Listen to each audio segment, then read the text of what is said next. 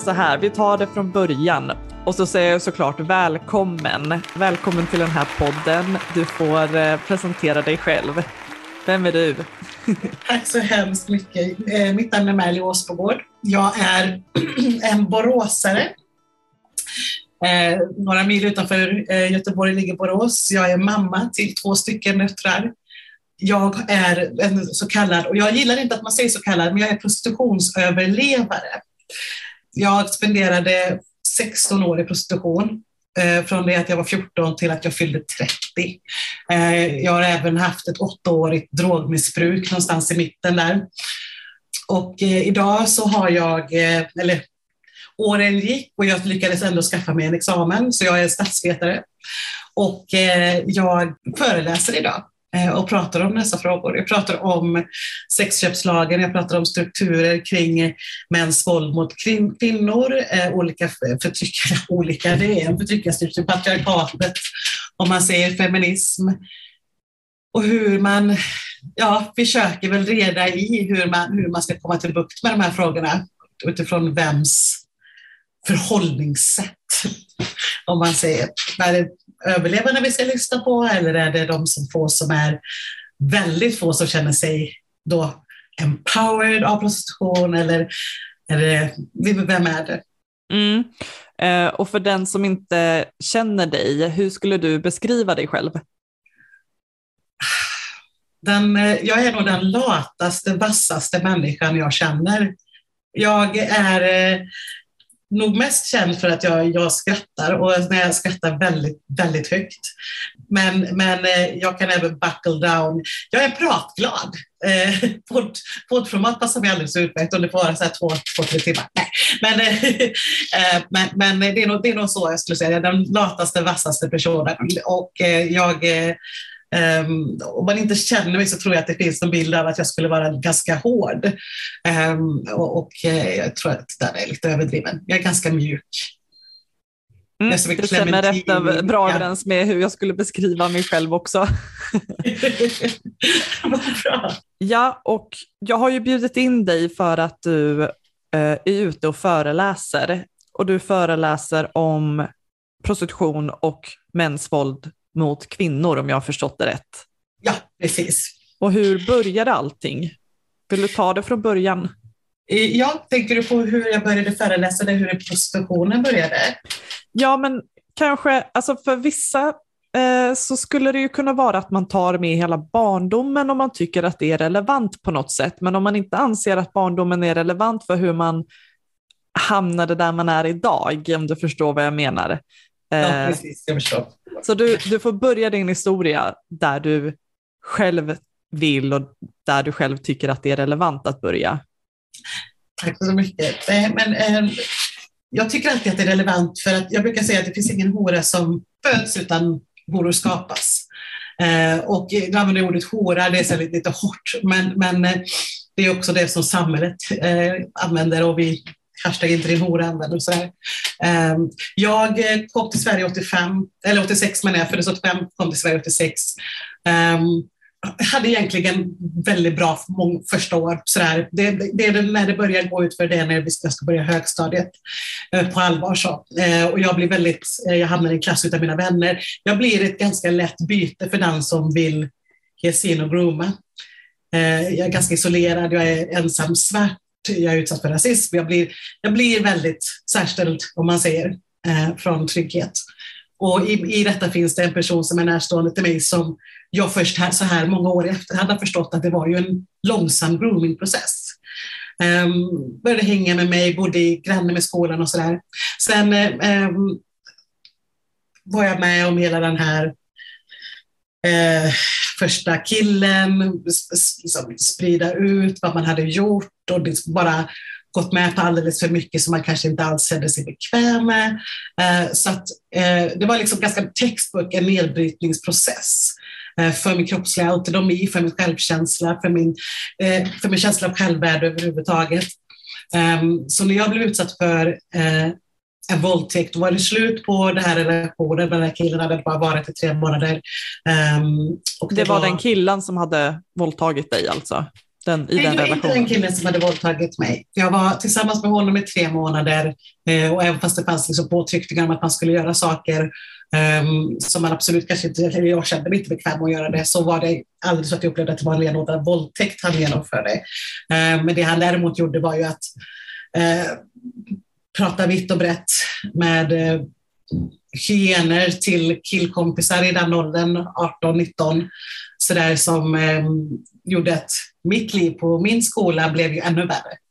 Eh, jag fick saker kastade efter mig fysiskt eh, eh verbalt. Eh, jag är egentligen ganska utskattad varje dag eh, jag gick till skolan. Eh, jag har ett, en dagboksanteckning som jag fortfarande, alltså jag har kvar med alla mina dagböcker. Eh, men det, där, där, jag kan förstå, liksom just det här att jag, jag ska göra det, jag måste gå till skolan, annars kommer jag aldrig mer gå dit. Och eh, det är liksom rad upp, rad ner egentligen om varför. Och det, det är så här, du är så nära en brytningsgräns inom dig själv att du, du jag, skulle, jag skulle nog faktiskt kunna kalla det för suicidtankar. Um, just därför att du blir så, så påpucklad verbalt och en vuxenvärld som sviker. Men jag börjar spola lite framåt där. Men det är men där hur, gammal, hur gammal var du då när du skrev det här i den dagboken och allting med våldtäkten hände? Jag tror jag måste vara 13. Ja, 13 så det är väldigt ungt. Ja, så jag är väldigt ung um, och jag tyr mig väldigt mycket till den här personen som finns utanför skolan. Um, för att det blir som en, som ett andningshål. Den här tjejen som, som groovade dig. Precis, den här tjejen. Och, och det hon, eh, hon, kunde ju, hon kunde ju mm, erbjuda någonting annat. Vi hade övernattningar och vi pratade om allting som inte var det, det där som pågick i skolan. Ehm, eh, även fast hon kände till det mycket väl så. Ehm, så att, så att eh, det, det, var tyvärr så, så så blev det inte så bra med, med de där första åren på, på högstadiet. Och jag, kan, jag tror att den här killen ångrade sig väldigt mycket för många år senare, nu är du faktiskt den första jag berättar detta för, men många år senare när jag var runt mina 20 så sprang jag på honom på ICA och han frågade mig där och då eh, om jag ville gå på fika med honom. Och jag visste att han var i ett förhållande. Så det var ju inte aldrig någonsin tänkt så. Och jag dök upp eh, och jag tog med min kompis så, så här, och jag var, jätte, jag var i ett jättedåligt skick. Jag var nog till och med hög när jag träffade honom. Men så här många år efter, efter det, nu är jag 37, eh, han tog livet av sig nämligen 2000, den här killen, han tog livet av sig 2012. Eh, så har jag ju förstått att han nog ville säga någonting till mig eh, under den, den mötet. Att, att det var att det blev väldigt, väldigt fel. Han var väldigt mycket hur mår du och och så där, hur går det för dig? Eh, så att, eh, men han finns inte längre med oss tyvärr, den här killen. Hur reagerar du på att möta honom igen? Han, nej, jag, jag, jag var väldigt eh, ryckig, eller man säger. Det var inte så mycket känslor om du tänker så, utan eh, i och med att jag var mitt uppe i en pågående missbruk då, så så, och, och, hade allt det här som pågick runt omkring mig. Då. När jag var i mina 20 så hade prostitutionen redan startat. Eh, och eh, jag hade väl hållit på i alla fall i tre år med ett ganska tungt missbruk, missbruk av amfetamin. Eh, men det som, den känslan jag minns det var att jag tyckte att det var fint av honom att, att han bjöd mig. Och jag vet att väldigt, alltså redan när vi satte så kände jag att det här blev jättefel. Det här blev jättedumt. Jag skulle inte tagit med min kompis. För det första, det var ju inte det han hade tänkt. Eh, och att han blev liksom lite mera, kanske tyst än, än vad han hade varit annars. Men jag var nervös eh, för att träffa honom. Eh, ja, han gjorde mycket som han var en ganska mesig person, om man säger en ganska så timid person det, det, är lätt att man i efterhand kanske då vilifierar, alltså just därför att det blev så horribelt eh, resultat av vår tre månaders relation. Men, men så som jag kan minnas honom som person så var han väldigt lugn, ja lite tjatig men också otroligt utsatt för påtryckningar från, från hans vänner. Och eh, till exempel när vi hade haft sex hos en kompis, alltså det här är också så här, det gjorde man ju på den tiden, det hade man ju aldrig gjort idag, men men hade, hade sex hos den här kompisen då så var vi inne på toaletten och så står hans kompis och knackar på utanför och vill att han vill se mig, alltså min kropp. Och då, jag får ju panik, men då, men då öppnar han dörren och tänder så att hans kompis ska kunna se mig. Um, och det, det är ju sådär, alltså, jag kräks ju i min egen mun. Men han var så svag, den här killen, så, som att han inte kunde säga nej. För jag tror inte att han själv tyckte att det var någon jättebra idé. Eh, respektfullt och eh, liksom, eh, sättet man skulle föra sig på. Men, men eh, han, han gjorde det ändå.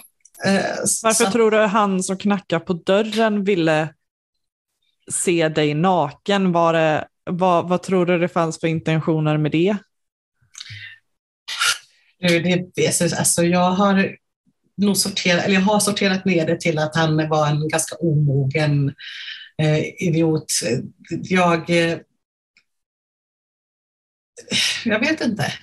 Det var, det, det var rent utslag av respektlöshet och, och, och, kanske viktigt att poängtera det för mig då, att jag inte hade rätt till min egen kropp i det läget. Um, Sen gjorde jag inga försök att ta på mig eller liksom, alltså, våldta mig på något sätt. Men eh, nej, det var en bra fråga. Alltså, varför vill man, se på någon? Men, men, men, det är lite märkligt beteende kan jag tycka. Samtidigt så Gud, ja. kan jag föreställa mig att det händer eh, regelbundet. Att, att eh, du absolut inte är den enda, utan att eh, det, det är någon slags eh, maktutövning. Det tror jag det. Mm. Men eh, om vi spolar tillbaka bandet lite, för när du då var 13, eh, du mötte den här eh, tjejen eh, som, hon gick inte i din klass utan ni gick i samma skola, var det så? Nej, hon bor i närheten av skolan. Hon, hon är, det skiljer väl fem och sex år på oss. Ja, och vad, är, vad gjorde hon? Hon var hemma. Hon var, hon var, hon var mamma och hon var hemma. Aha. Så hon gick inte längre till, i skolan. Okej, okay, ja. Och hon introducerade dig till, eh, eller ja, den här prostitutionsvärlden. Precis. Och det var sommaren efter, det var, det var, eller, ja, det var sommaren efter eller sensommaren efter jag hade blivit utsatt för min första våldtäkt. Jag ska inte gå in så mycket på det, för att man kan liksom så här, hoppa in på varje liten del, men jag nämner de här sakerna just därför att jag tycker att det är viktigt att förstå eh, när folk blir så här, men varför, varför kunde du inte bara säga nej? Och då får man förstå att i en nedbrytningsprocess eh, av din, din själv och din självautonomi och din känsla för liksom, din kropp Eh, men det är någonting som flyttas inom dig. Du har dina spärrar. Inte att du inte blir utsatt på samma sätt eller känner samma saker, men vad du själv tycker att du, du kan utsättas för. Eh, skulle väl snarare vara ett bättre svar. Um, hur som helst, hösten kommer och det här året ett, liksom, som hon har lagt på att köpa saker och ja, men, husera mig där och så där, det, det vänds till att det här är liksom en skuld, jag är skyldig henne pengar. Eh, hon har hjälpt mig med så mycket, hon har gett mig du vet, ja, men, så halvfulla parfymflaskor, badkläder vid något tillfälle så där, och, och, och, jag var dum och bara stod och tog emot. Eh, för att man tänkte så här, ja, men, hon kände till min hemsituation, den var, den var okej okay, men inte bra. Eh, och som mellanbarn, alltså hade väldigt mycket bara, ja, men som mellanbarn alltid har, det är hand-me-downs. Eh, och eh, kanske inte var väldigt snäll, så jag blev väldigt glad när jag fick kläder. Ehm, och eh, hade inte så jättehöga anspråk på vad jag skulle ha på mig, liksom, utan blev bara glad jag fick någonting. Ehm, Ehm, så det, det, blir liksom starten. Jag säger, säger, nej i ett första läge, men sen börjar hoten. Och det här är ju att man har suttit och öppnat sig för en person under ett års tid, under ett år som har varit väldigt turbulent överlag. Ehm, men det var ju inte det. Hennes hot gick ju inte ut på att berätta att jag hade blivit mobbad i skolan eller utsatt för våldtäkt eller något sånt där, utan hennes hot var ju jag ska berätta för alla vilken hora du egentligen är. Eh, du kommer, alltså om du tror att du har ett helvete nu, så ska du se vad jag kan skapa åt dig. Parafraserat, men ord för ord egentligen. Jag tror att det var, no om jag minns, minns rätt, så var det även just det här eh, att hon skulle kontakta mina föräldrar och berätta hur jag hade liksom levt upp hennes pengar. Eh, och hur jag hade rökt och jag hade liksom legat runt på olika killar. Och det, inget av det stämde ju. Men, men när du redan är, befinner dig där jag befann mig um, och mådde så dåligt så, och var så pass ung, man ska komma ihåg det, då var jag 14. Jag kan ju idag som vuxen och framförallt mamma bli sådär, det var ju inte direkt en pistol mot huvudet, men jag kan förstå för Merli 13-14 år så var det en pistol mot huvudet.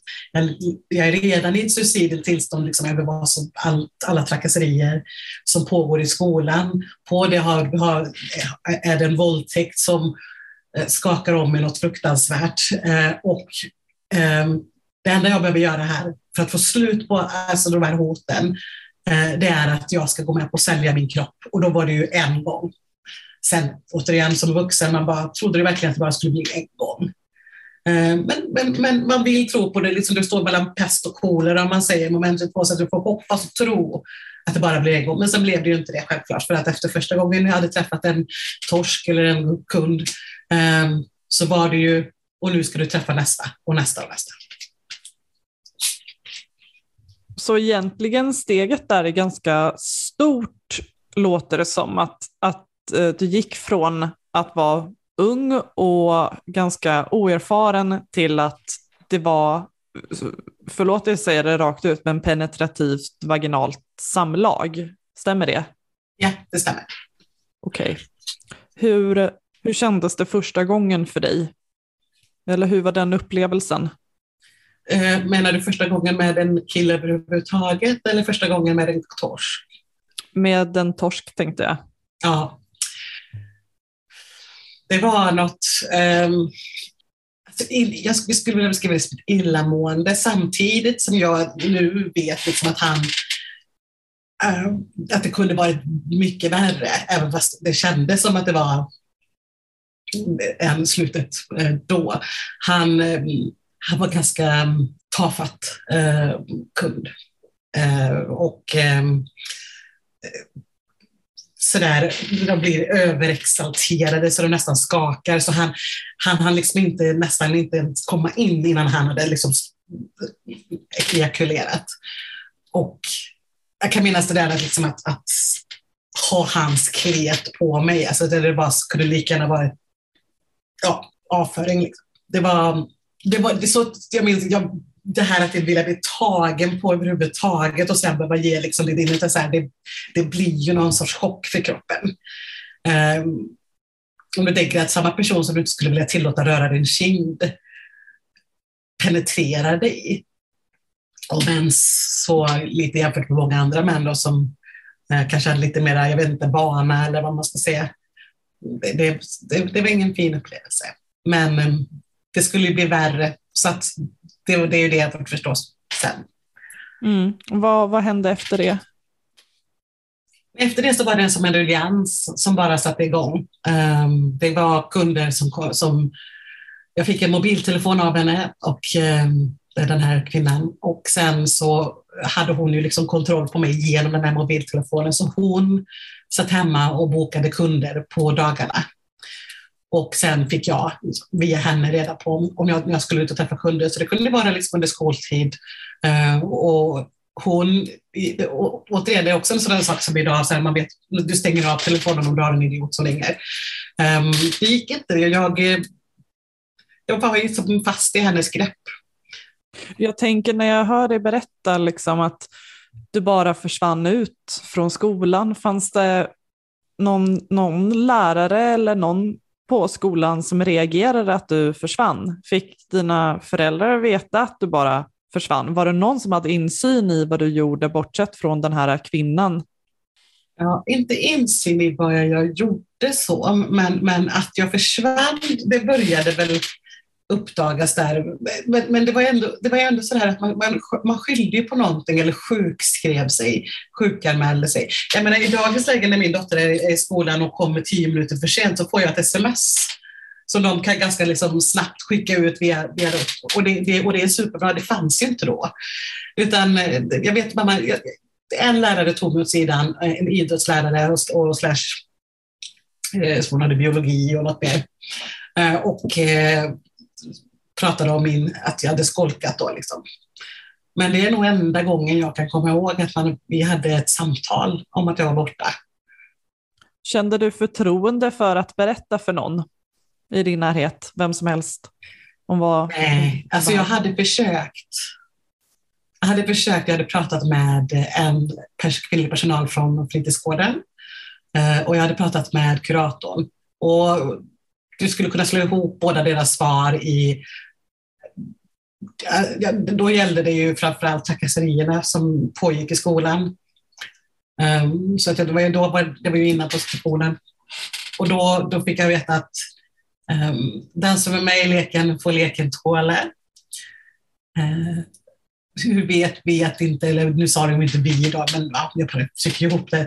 Hur vet jag att inte du har, har gått runt och pratat om det här och att det är därför de kommer, eh, pra, eh, håller på så här. Och det blir ju så här eh, när man har sex och det kommer ut.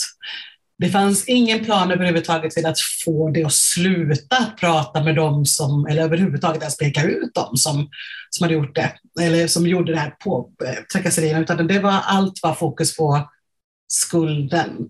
Och skulden låg hos mig.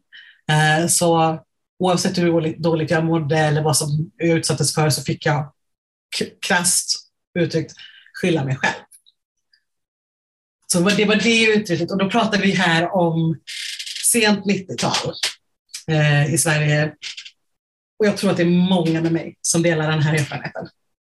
Det var du som skulle skämmas. De gjorde inget fel. Hade du sett till att inte det kom, kom fram så hade du inte behövt vara i den här situationen överhuvudtaget. Eh, Evola.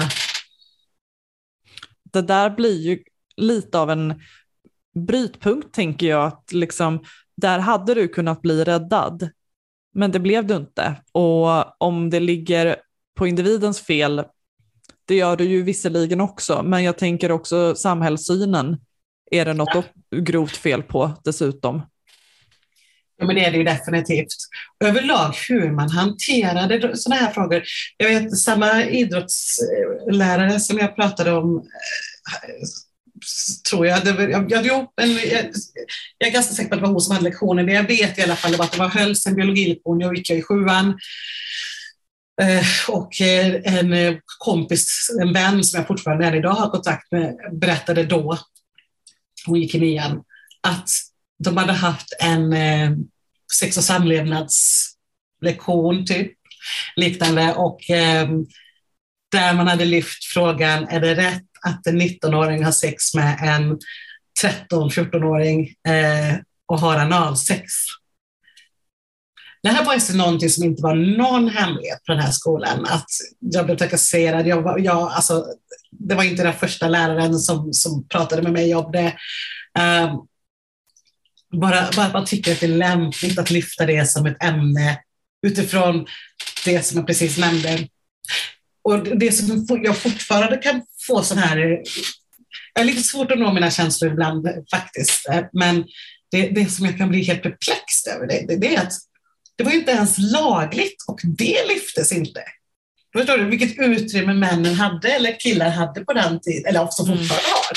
Alltså här, det diskuterades inte ens om det var olagligt, utan det var sådär, du ska alltså gå in och peta i någons liksom privataste sexuella upplevelse och göra någon det till någon sorts moralisk, eh, moralisk fråga. Ja, jag vet inte hur de här människorna tänkte.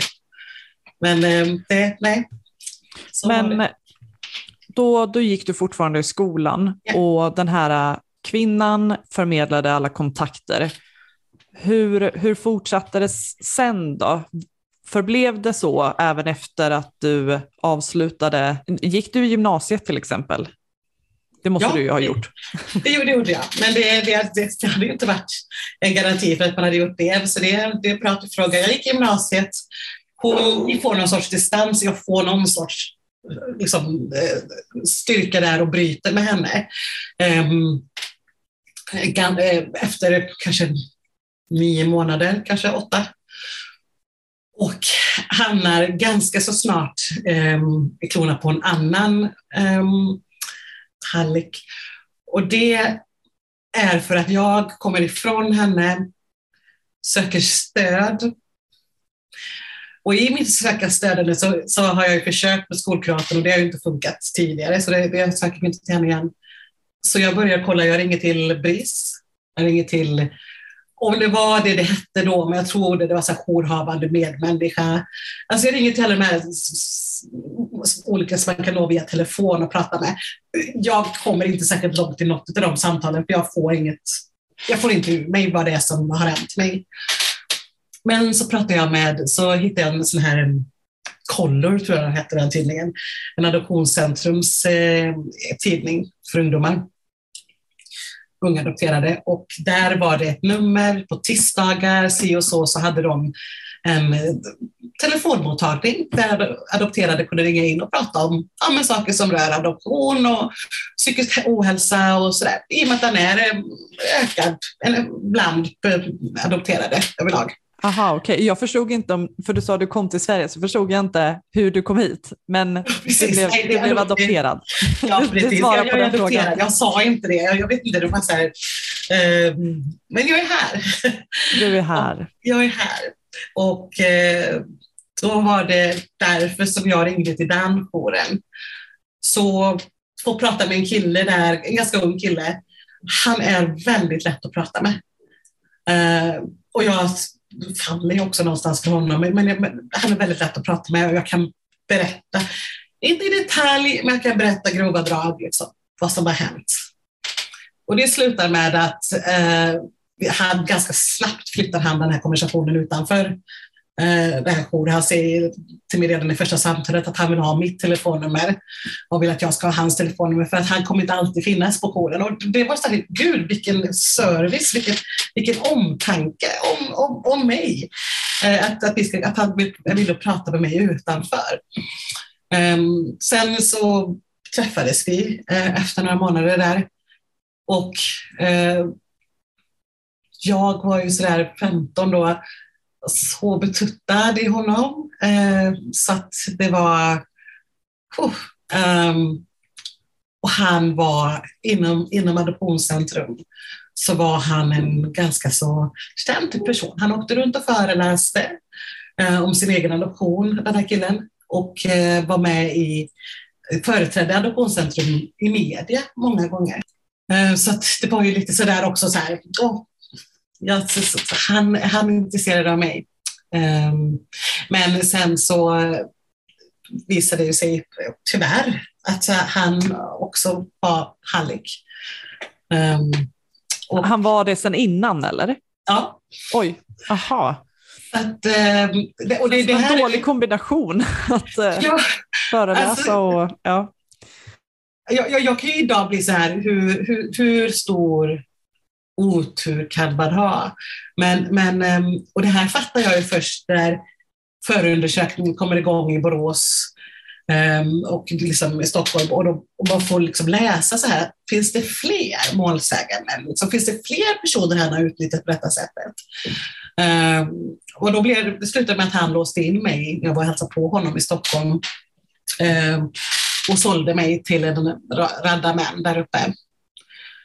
Och jag tror aldrig och jag någonsin kommer att hämta mig från det om jag ska prata känslor. känslor.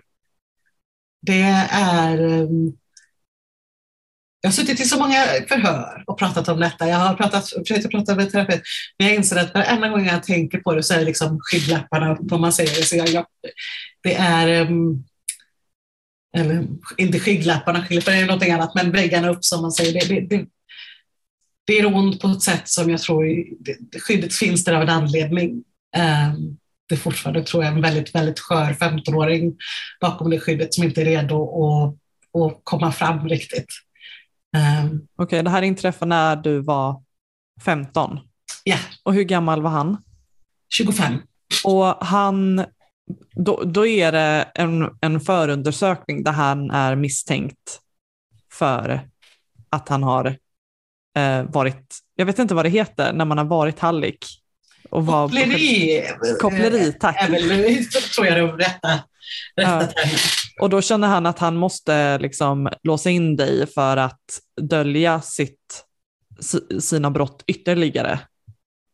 Eh, nej, han, eh, frågade mig redan innan jag kom upp till Stockholm, eh, i väldigt omslutat där, sådär, det var inte rakt på typ vill du sälja sex, utan frågan löd, eh, vi, han pratade, vi pratade mycket om sex. Eh, och mycket på hans initiativ var det ju sex eh, ur alla. Så det var inte en konstig, även fast jag tyckte att det blev lite konstigt, konstigt för att så man kan ju prata om sex på många olika sätt, men hans var väldigt utforskad och väldigt um, jag tyckte det blev väldigt gränslöst eh, många gånger.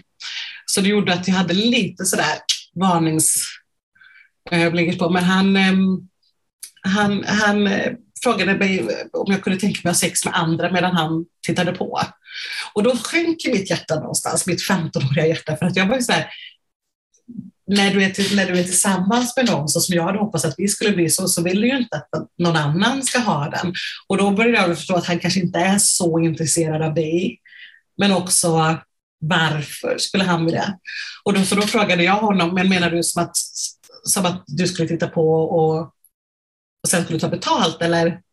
Ja, jag behöver ju inte vara i rummet och, och då svarade jag så här, bara, nej, men det vill, nej, men det vill jag inte. Så det, det, vill jag inte. Och han var ju överhuvudtaget väldigt liberal, även i tidigare samtal när vi pratade om prostitutionen, att det var jättesynd att jag hade råkat ut för det jag hade råkat ut för. Men hade jag haft en bra hallick, och det är ju inget fel att sälja sin kropp, alltså så, så, att, så att liksom så här, återigen, high and sights, liksom, is 2020, men, men det, det var ändå så här, man bara, mm, man levde på de andra sakerna han sa. Men så det var helt klart innan jag åkte upp att, vi inte ska, att han inte skulle sälja så eller ta några som helst sådana kontakter. Eh, utan jag skulle åka upp och träffa honom och vi skulle mysa och han stod som liksom visade i Stockholm. Och jag fick tjata på mina föräldrar för att de skulle låta mig åka. Eh, så. Och sen när jag kom upp till Stockholm så våldtog han mig och låste in mig i lägenheten. Um, och det tog mig ett år att berätta för eh, en terapeut på barn och ungdomsmottagningen som jag hade gått till ganska snart eh, därefter jag kom hem för att allt var som en dimma. jag behövde bara prata med någon och jag kunde inte liksom berätta. Eh, jag beskrev att jag hade varit i Stockholm och att den killen hade genomfört hårda samlag, de orden, hårda samlag använde jag. Eh, men jag kunde inte berätta att jag hade blivit såld eller något sånt där. För stigmat just kring att, att vara hora och veta att du har träffat på det här dömandet, skyll dig själv, redan innan det fanns prostitution med i bilden. Vad skulle hända med mig nu? Så att hellre än att bli, bli eh, kränkt, eh, förlöjligad och, och så vidare, så, vidare, så valde jag bara att, berätta om, om det här hårda samlaget som jag sen lärde mig eh, att säga våldtäkt. tog mm, väldigt tid. Eh, men jag började vokalisera det och sen fick jag ett sammanbrott. Så det är det närmaste jag skulle kunna kalla det för. Eh, höst, höstvintern. Och då började jag berätta allt eh, som pågick i mitt liv just då och som hade hänt uppe i Stockholm. Och då gjordes det en anmälan ehm, från socialtjänsten om våldtäkt och koppleri och olaga frihetsberövande. Men så var det någonting så jag tror de strök Orla för att, inte skulle, för att det skulle fortsätta vara lyckta dörrar. Jag fattar aldrig det där lingot. Men, men, men hur var länge var du inlåst? Tre dagar. Mm. Och så det var inte så pass länge att någon började leta efter dig på det sättet, utan det var förväntat att du skulle vara borta så länge Precis. Mm. Det var ju ett uh, smart drag av honom kan man ju säga, för att jag tänker att hade du varit borta hur länge som helst så hade det ju kanske ökat riskerna för honom. Mm, exakt. Ja, ja. Um, han var inte, han var inte dum där man säger. Men hur slutade det, den händelsen då? Blev han fälld? Ja, han blev fälld för, för alltihopa. Att han blev fälld ett år senare, det, det, det, det det förvånar mig lite faktiskt fortfarande än idag det, i det här systemet. Men eh, sett till hur, för det fanns ju ingen teknisk bevisning, eh, utan det var ju verkligen ord mot, mot ord. Så jag vet inte alls liksom riktigt vad som hände där. Jag, jag kunde ju bara göra det jag kunde och det var ju liksom att upp dit och berätta i Solna. Liksom. Och även i, sen i mm, tingsrätt, eller hovrätten, han överklagade en vända. Men, men han var ju också alltigenom en skitstövel den här människan. Så han var ju tillsammans med framförallt sin första advokat ett riktigt kräk i rättssalen. Alltså flinar, skrattar högt, visar öppet att de inte lyssnar på mig när jag pratar så tillvida att domaren får säga alltså att, att man beter sig inte så utan nu pratar liksom målsäganden och då lyssnar vi. Liksom. Som en jävla skolklass, fjärde, fjärdeklassare. Så han var ju ett rövhål och, och han, och han eh, även, en av de målsägande var hans flickvän, för detta flickvän. Eh, och hon fick honom också fälld i tingsrätten. Ehm, och sen i hovrätten så hade hon ju helt ändrat eh, och ville då berätta, liksom, framförallt jag mig, men vi hade ju aldrig träffats. Eh, hon var ju inte med, hon var inte där. Och så hade hon kommit en lapp som hon läste ifrån. Och, och vart hade hon fått den lappen? Alltså det är så här, så dansar ju åklagaren till henne att den får hon ju kasta. Eh, och då, då vet jag att jag pratade med min mamma om det för att eh, under de, tiden mellan första, första domstol, eller första tingsrättsförhandlingarna och till hovrättsförhandlingarna så hade jag börjat få massa brev här. Inte många, men jag tror det var en, två, tre eh, från en kille, annan kille i Stockholm. Jag kände inte till honom överhuvudtaget. Um, och det var så här maskinskrivet, du fattar, så du fattar hur länge som detta var. Det var skrivet på typ mas maskin. Och han eh, tog kontakt för att han var adopterad och jag var adopterad och han ville jättegärna att jag skulle komma upp till Stockholm eh, så att, de skulle, för att det var, skulle vara någon sorts träff där uppe. Och jag kontaktade Adoptionscentrum, frågade ska jag ha en träff där uppe? De ska inte ha någon träff där uppe. Eh, jag pratade med mina andra vänner som adopterade, det, så här, de inte hört någonting. Så, Men gud, obehagligt. Ja, superobehagligt. Han ville få upp mig till Stockholm, den här människan. Eh, Sen kan man tycka också, på tal om att vara både lat och vass, liksom, så här, om du åk till Borås då, för fan. Alltså, nej, men man kanske inte ska skratta åt det, men jag blir så här, mm. om du nu ska vara den som ska ställa allt till rätta och hota och så här, då kanske det kan vara värt en bilresa till Borås istället för att mm. sitta bakom en skrivmaskin. Precis. Little by little, piece by piece, I take back what's been stolen from me. Little by little, piece by piece, until I'm complete.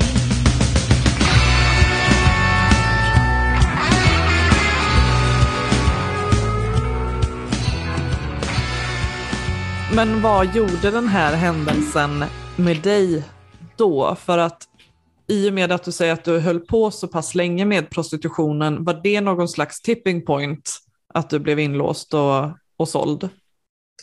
Ja, alltså det, det var det ju. Framförallt mentalt. Alltså, så, så fick jag mig ju en...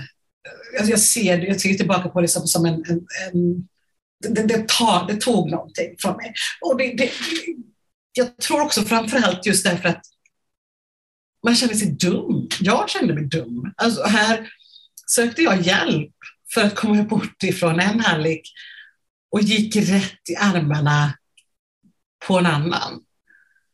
Det är ju det, det, alltså jag hade ingenting gott att se mig själv.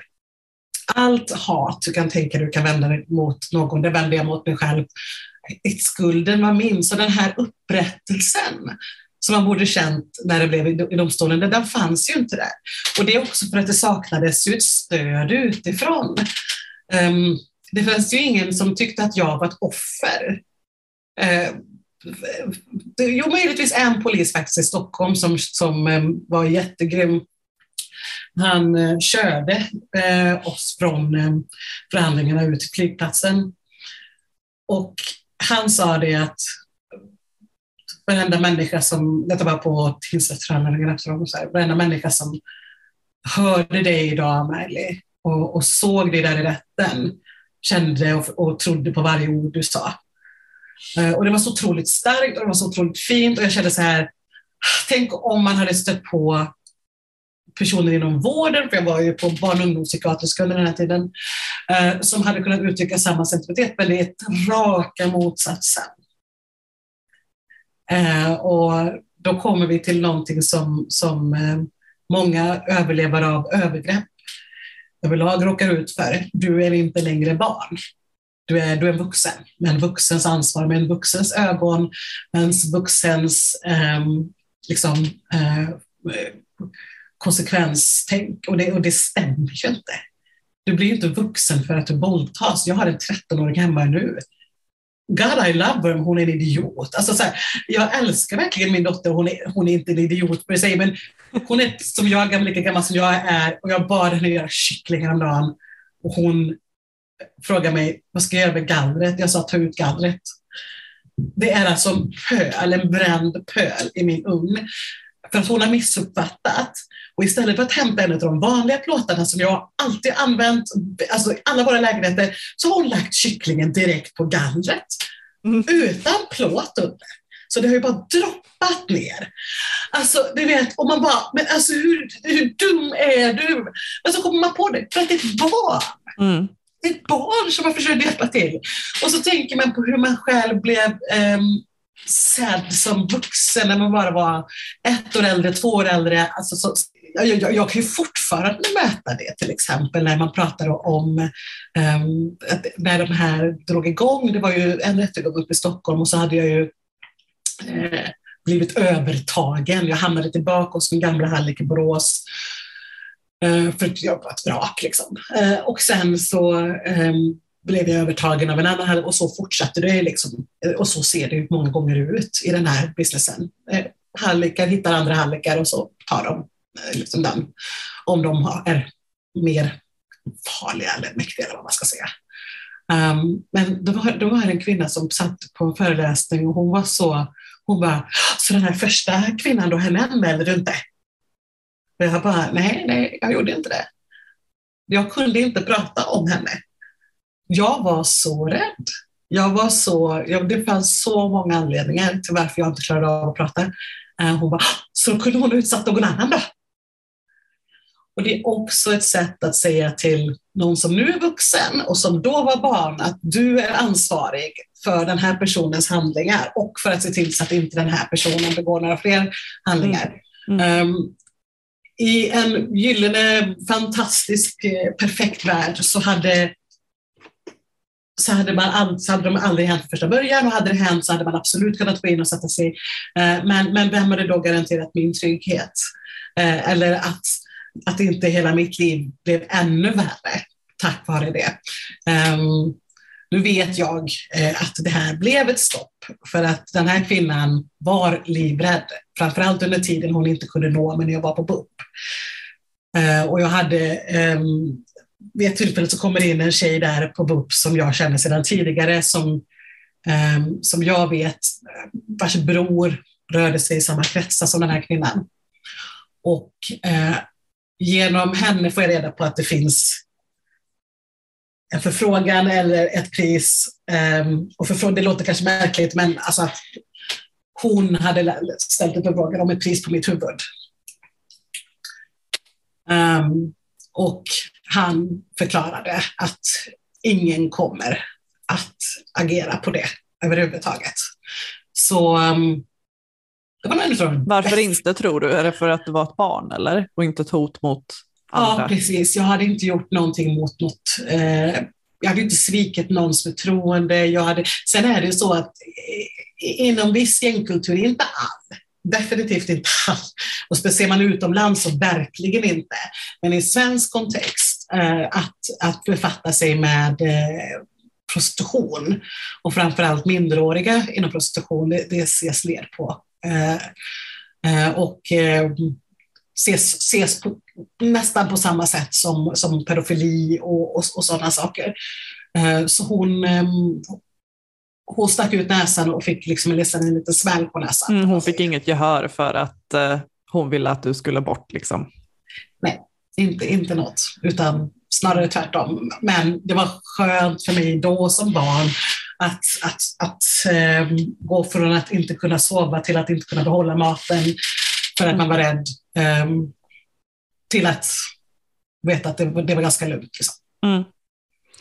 Alltså när du berättar sådär så, så drar jag någon slags parallell till det här med ja, men, psykisk ohälsa och om jag som sjuksköterska har fått lära mig att ha en patient som visar depressiva symptom eller jag får viben av att, att det är någon som eh, planerar ett självmordsförsök så, så ska vi fråga rakt ut om det stämmer. Stämmer det att du planerar att ta ditt liv? Eller har försökt ta ditt liv? Och jag har aldrig någonsin stött på att man skulle fråga, har du blivit våldtagen? När någon ger en beskrivning av att det var väldigt hårt sex, jag tror inte jag egentligen ville eller det känns väldigt dåligt så här i efterhand eller nu mår jag väldigt dåligt över det här samlaget. Aldrig någonsin har det varit en diskussion och det gör mig väldigt ledsen för att om man ställer den frågan så tror jag att man lättare hade kunnat identifiera en våldtäkt helt enkelt. Ibland så vet man ju inte ens själv såklart. Så att det är ju också lite kunskapsunderlag tänker jag att att de som arbetar med det här behöver förstå hur, hur man orienterar sig. Också det här du säger om, och det, jag har inte hört någon säga det tidigare, men det är jätteintressant att när ett barn har haft sex så ses det inte längre som ett barn. Och jag tog lite kort upp det i förra avsnittet att eh, enligt eh, Brottsförebyggande rådet så har de en rapport över kvinnor som har sålt sex. Och I den rapporten så ingår det 14-åringar. De tillhör statistiken för vuxna kvinnliga prostituerade, där männen som har köpt sexet av dem, de har blivit dömda för just sexköp. Och det borde inte gå. Det är helt ologiskt. Det är eh, magvändande ologiskt eh, och det, det som jag har fått spendera lite tid faktiskt och lite mer tid än vad jag hade önskat eh, som genom min påverkan på mitt konto det är att förklara för folk som redan befinner sig i rörelsen att det finns ingenting som heter unga kvinnor. Det finns ungdomar, så finns det barn och så finns det kvinnor. Det finns ingenting som heter unga kvinnor. Speciellt inte när vi pratar om 13, 14, 15-åringar, som man väldigt ofta gör eh, när det kommer till det. Och det, hade, det var en stor organisation som gjorde en sån här um, ja, de catfishade, de gick ut och låtsades vara ett, ett barn i prostitution. Eh, 14 år tror jag det var och se hur många träffar de fick. Och du vet, hela det bara, oh, titta hur många träffar vi får. Eh, samtidigt som man liksom gick ut och sa att, att de hade spelat en ung kvinna. Man bara, alltså du, du är inte en ung kvinna när du sitter med en man som är 45 och som är dubbelt så stor som dig och eh, han dikterar precis allt som ska hända. No, you wouldn't take what's not yours if you know why.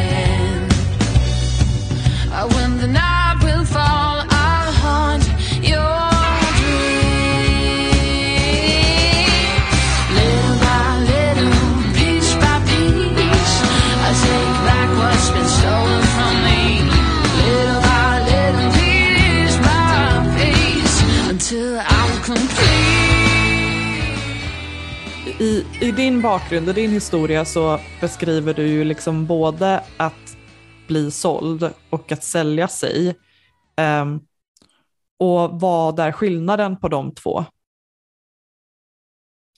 Alltså att bli såld, då, då har du inget eh, eh inflytande över eller bestämmanderätt när det kommer till vem du ska träffa. Du får oftast inte bestämma eller vad, du, vad du kommer att tjäna eller vad du kommer att ta om man säger. Eh, inte heller så får du behålla allt, eh, allt du har fått. Eh, det kan variera, oftast är det 50 procent eh, som de här hallikarna tar. Ibland mer, ibland mindre. Ehm, det är så här, att bli såld, då är du, skulle jag säga, då befinner du dig i en sorts vanmakt. Som, uh, innefattar det trafficking då? Ja, precis. Um, Men inte att, nödvändigtvis man, man kan bli såld utan att det är trafficking. Eh, ja, precis. Det, det är det här som, som jag också har eh, för att, för att många gånger så innebär det ju, när vi tänker trafficking så tänker alla Moldavien till Sverige, Rumänien till Sverige, Italien till Sverige. Alltså så här, man är ganska invan med att det som gäller mellan. Och, och saken är den att det är ett helt annat ut, eh, en helt annan utsatthet att befinna sig i ett land där du inte kan språket, där du inte kan hur du ska, vart du än ska vända dig, du kan inte ens numret 112. Så det är klart, det måste fortfarande få stå kvar, den betydelsen av trafficking. Däremot så finns det eh, en, så, en sorts trafficking som sker inom landet när det kommer till hallickar. Ehm, det kan vara i princip att man förs från ett ställe till ett annat. Ehm, mig från Borås till Stockholm. Ehm, Sara, 15 år, från Göteborg till eh, Örebro. Alltså förs med syftet att säljas, till en, säljas för sexuella tjänster, vad man säger. Um, så ja. Och att sälja sig, då är man mer i självkontroll och, och makt över sig själv mer automatiskt. Ja, alltså så här, du, då har du, då har du, när, jag, när jag sålde mig själv så hade jag ju kontrollen över, alltså jag kunde neka kunder att komma till mig. Eller att, åka, att jag säger att jag åker inte ut och träffar den här kunden. Men det är ju, då är det jag som bestämmer det, men det, men det betyder inte att du har någon egentlig makt när du väl träffar kunden. Det är ju en inbillad makt du har. Du har ju en förhoppning om att, du, att, det, att det inte ska att du inte ska få spö, att du inte ska våldtas, att du ska få pengar, eh, att du ska få behålla pengarna när du väl har fått dem. Eh, det, det, det, var ju också en tanke som jag hade många gånger, så här att, att man tyckte var så, man var så jäkla smart att man tog pengarna före. Pengar som de mycket väl bara kunde ta tillbaka sen eh, när de var klara med det. Så att, det var liksom att det var så upp med händerna ungefär. Um, så det, men, jag, så att, ja, men i alla fall, så jag, jag hade ju några år där då jag både blev såld och sen eh, hamnade jag på, eller, eh, jag kom in på en bordell i Köpenhamn och var där i ett år. Eh, och sen efter det så, så, så ville jag liksom ta, ta kontrollen och hittade sätt att identifiera mig med prostitutionen som ett sätt att leva nästan. Så att, eh, mm, då sålde jag mig själv. Och, och vad var det som gjorde att du till slut kom ur det? Ja, alltså för en person som har jäkligt dålig tur, eller otur säger man väl, um, mer än någon annan jag känner, så fick jag någonstans, jag hade panikångest och jag hade blivit utsatt för en våldtäkt några månader tidigare och uh, bara låg på golvet hemma typ och grät. Um, allting jag hade kämpat för i skolan, de här tre åren uh, för att bli statsvetare uh, eller gå ut med en statsvetarkandidat, eh, höll på att bara gå åt helvete. Och då var det som att jag fick en sån här i bröstet alltså, och så just det här att du är mår skit nu, allting är skit, allting är piss och pannkaka, men du har spenderat 16 år i den här businessen om man säger. Och du, du, så här, du, du saknar inga lemmar, du, du, du, sitter inte i rullstol, du har ingen stomipåse för att någon har knivhuggit dig i magen. Alltså så här, nu, nu, nu går det åt andra hållet. Du måste, du måste våga tro på att det finns en, en verklighet på andra sidan där du kanske aldrig kommer må helt bra, men där du kan må bättre. Um, där du kan på något sätt plantera fötterna och bygga någonting utifrån vem du faktiskt är. För många gånger så är det som kastar en tillbaka, är min upplevelse i återfall eller att man cirkel tillbaka och vill fortsätta med prostitutionen när man väl hade försökt att sluta, för det var inte första gången jag försökt sluta, att man tänker om jag har redan förstört mitt rykte, jag har redan förstört, folk vet att jag befinner mig i prostitution, folk säger de kommer aldrig släppa det. Och det stämmer, folk släpper aldrig det. Men du kan fortfarande göra allt för att skapa din egen plats i ett samhälle, hur kantigt den är. Jag tänker väl att samhället på många sätt bidrar till eh, den här upplevelsen att jag är, det är kört för mig. Eh, när, när det finns så många som ser på tidigare prostituerade som alltid prostituerade på något sätt, att ens självvärde har minskat på något vrickat sätt. Eh, mm. så att där finns det fler strukturer som bidrar till att upprätthålla det här Definitivt. Bara titta på Madonnan och horan. Hela bilden den är ju liksom mångtusenårig på vem som är den fallna kvinnan. Um, och, och, jag får jobba med det också. Jag har jättesvårt för till exempel när föreningar använder ordet hora nedsättande, eh, även fast de jobbar för bra saker. Eh, och, så, så, och så fick jag det skickat till mig för några månader sedan, var väl, så där, ah, kolla in det här eventet och så var det typ inte, inte Madonna, inte hora. Alltså, det var något sånt där. Och jag bara, ja, för vad är, vad är en hora då? Det finns mer nedsättande ord med relation till hora som vi använder dagligen, eller, och nedsättande ord om kvinnor, än vad vi har om till exempel pedofiler, mördare, Yes. fuskare. Yes. Alltså, det är så här, vi har alla, alla ord verkar återgå, återgå till kvinnans liksom, på något sätt värde. Mm. Ehm, och det är sjukt. Det måste man jobba på. Men vi har kommit en bit på väg. Ja men verkligen. Ehm, du nämnde någon som, var det han som låste in dig och sålde dig som också tyckte att prostitution skulle vara lagligt? Eller var det din pojkvän som sa det? Jag minns inte riktigt. Det var han som låste in mig eh, Ja. som sa det. Och detta var ju liksom i början av eh, när vi började prata. Så att det var inte så att han på något sätt sa att det, att det som hade hänt mig var okej.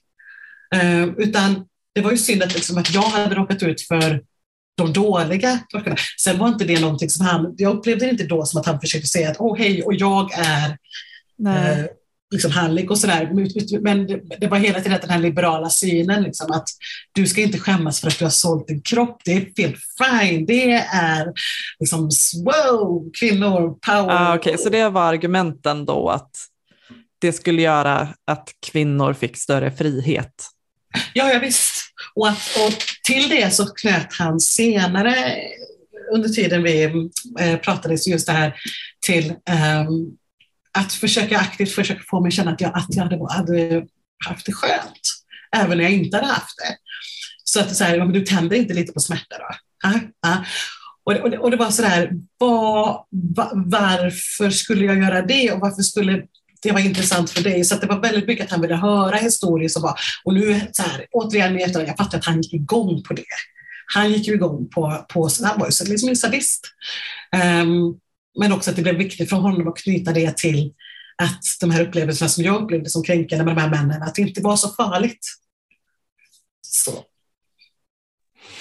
Ja, och jag känner igen det där du berättar. Eh, jag bodde ju i Danmark nästan två år och där är ju eh, prostitution, eh, eller sexköp är ju lagligt. Ehm, och de, här argumenten används ju där frekvent. Men jag tänker väl någonstans att, att det gör någonting med eh, samhällssynen när kvinnors, huvudsakligen kvinnors kroppar är en vara. Har du också tänkt på det, eh, liksom om det finns fördelar med att legalisera det eller om det skulle leda till större konsekvenser, allvarliga negativa konsekvenser att göra det? Det finns jättemånga fördelar med att göra det om du är sexköpare eh, eller hallick. Så här finns det alla fördelar i världen. Är du kvinna, flicka, eh, transperson, eh, icke-binär så, alltså, så den enda fördelen som, som, som jag någonsin skulle peka ut, och då gör jag det otroligt försiktigt, det är tyvärr att när samhället sviker, när samhället inte erbjuder någon, eh, något skyddsnät, så förstår jag, jag har suttit mitt emot kvinnor som har berättat att jag hade inget hem. Och tack vare prostitutionen så, så, så kunde jag betala liksom min hyra. Jag förstår det, när man har vänt sig överallt och det har varit stängda dörrar och samhället faktiskt inte har hjälpt till. Men alltså du vet, när vi pratar om det här mest basala, liksom. jag, stod, jag höll på att svälta ihjäl. Jag fick, men, du vet, så här. Men, som, men som Rachel Moran sagt, och gör, hon är ju också överlevare fast från Irland, om, om du som man alltså, så här, är stolt över att du kunde liksom betala en prostituerad så att hon kunde köpa mat, varför stoppar du kuken i hennes mun istället för mat? Mm. Det är liksom, och det säger, nu har jag parafraserat sönder det, men det är, det är essentiellt. Principen är densamma. Ja, precis. Um, och, och, och, och det är det man hela tiden måste se till sig själv också, även jag som överlevare. Mm. Att det är så här, du hade, du, det är, jag kan förstå resonemanget med köpta våldtäkter, för att det blir en sorts utpressningssituation. Ja. Um, hela tiden. Du behöver överleva, du behöver ha hyra, du behöver ha pengar. Um, eh, och, och de här männen, de vet så väl att, att samhället har de här luckorna. Mm. Och de står och fångar upp en liksom, med sin, sina könsdelar ungefär. Ja, precis. Mm. Jag tror ju någonstans att det här vi gör just nu, att vi sitter och pratar om det här, är det som eh, förändrar helheten. Eh, kanske bara mikroskopiskt till en början, men ringar på vattnet. Eh, och jag känner att vi har egentligen så mycket mer eh, som vi skulle kunna prata om. Men eh, vi ska börja avrunda tänkte jag. Och du ska hämta din dotter från födelsedagskalaset. Ja, och så sagt, jag hade kunnat sitta och prata med, med dig i två, tre timmar till. Jag tänkte säga så här, om du någon gång vill bjuda in mig igen så är jag så himla öppen för det, för jag, jag, jag vill höra mer om dig. Jag vill pick your brain. Men, eh, men då säger vi så. Eh, fortsättning följer. to be continued. continued. Men jag ska släppa iväg dig. Tack så jättemycket för att du ville vara med och vi hörs igen nästa vecka. Tack så jättemycket. Thank you.